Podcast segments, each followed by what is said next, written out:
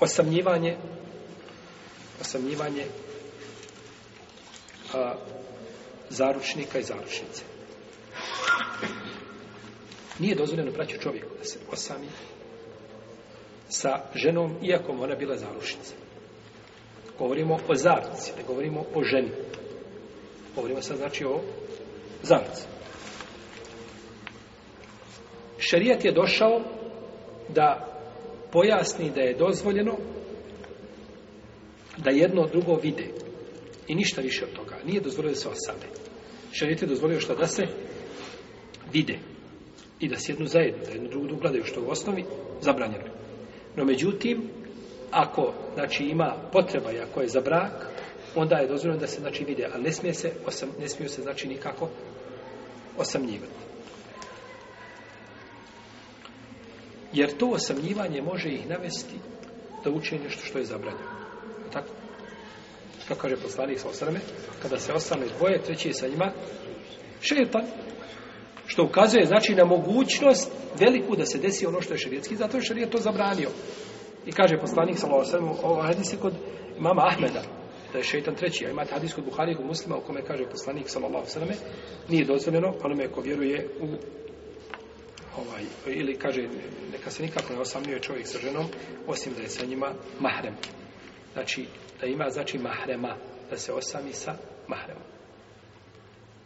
Ona i njen brat, njen amidža, njen daj, a neko ko je mahrem Dobro. mi smo govorili profesionalno Jesmo li? Smo nismo, nismo govorili dobro, ovo pitanje osamljivanja, nije sada, nije sada to ovaj tematika, ali ima pitanja, ako bi bili dva čovjeka i žena, to nije osamljivanje.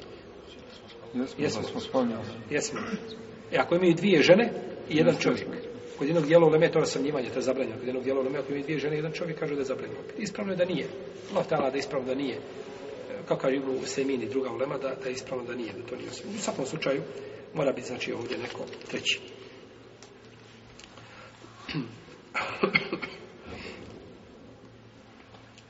A imate danas, znači, bjeđenje kod nekih muslimana, oni koji su propuhali ovi zapadni vjetrovi i zapadna razmišljanja i njihova logika, kako završnik i završnica trebaju dugo vremena da budu skupa. Znači da borave zajednički, da, da oni znači budu kao da jedno drugom, znači da svako od njih otkrije svoga tog budućeg životnog saputnika, da ga zna u, što mi kažemo, u dušu, jel, da zna, znači, u detalje kakav je i šta je. No, međutim, ovaj, ko pogleda u zapad i u njihov način, šta rade prije, oni obično kod njih su braće vjenčanja u 30. godini nakon upoznavanja. On se vjenčaje, znači kada će ostali, Kada već prođe pola života mu prošlo, on se tad vjenčaje. Tako, oni se vjenčaju, znači prvo žive deset godina, pa onda šta? Pa onda nakon toga se vjenčaju, kao što su bili ovi specijalci tamo, ovaj što se vjenčao sinu. Jel tako, od kralja, kraljice, Britanije. Deset godina zna ženu i onda nakon toga, onda nakon toga se vjenča. A što je zabranjeno? To je kod njih zabranjeno, tako? Znači oni moraju, znači, ovaj, nekada davno braći kod crkve je bilo, žena kad dođe u crkvu, ne možeš vjenčati u crkvi osim ako je nevina. Nema vjenčavanja. Znači, ostalo je, jeli, ostale su one, one primjese, znači, od, od vjere i od, tih, ovaj, e, vjerskih, znači, vrijednosti su neke ostale, da tako? No, međutim, danas je to, jeli, izopačilo. Pa šta oni rade? Žive zajednički 10-15 godina da se vjenčaju. Da otkriju jedno drugo. I opet nakon vjenčanja otkriješ nešto novo. Kod svog supružnika kaže ja subhanala koliko sam vremena s tobom nisam znao. Tako. Možeš ti to otkriti nikada. I onda insan se može promijeniti, ali tako vremenom se može...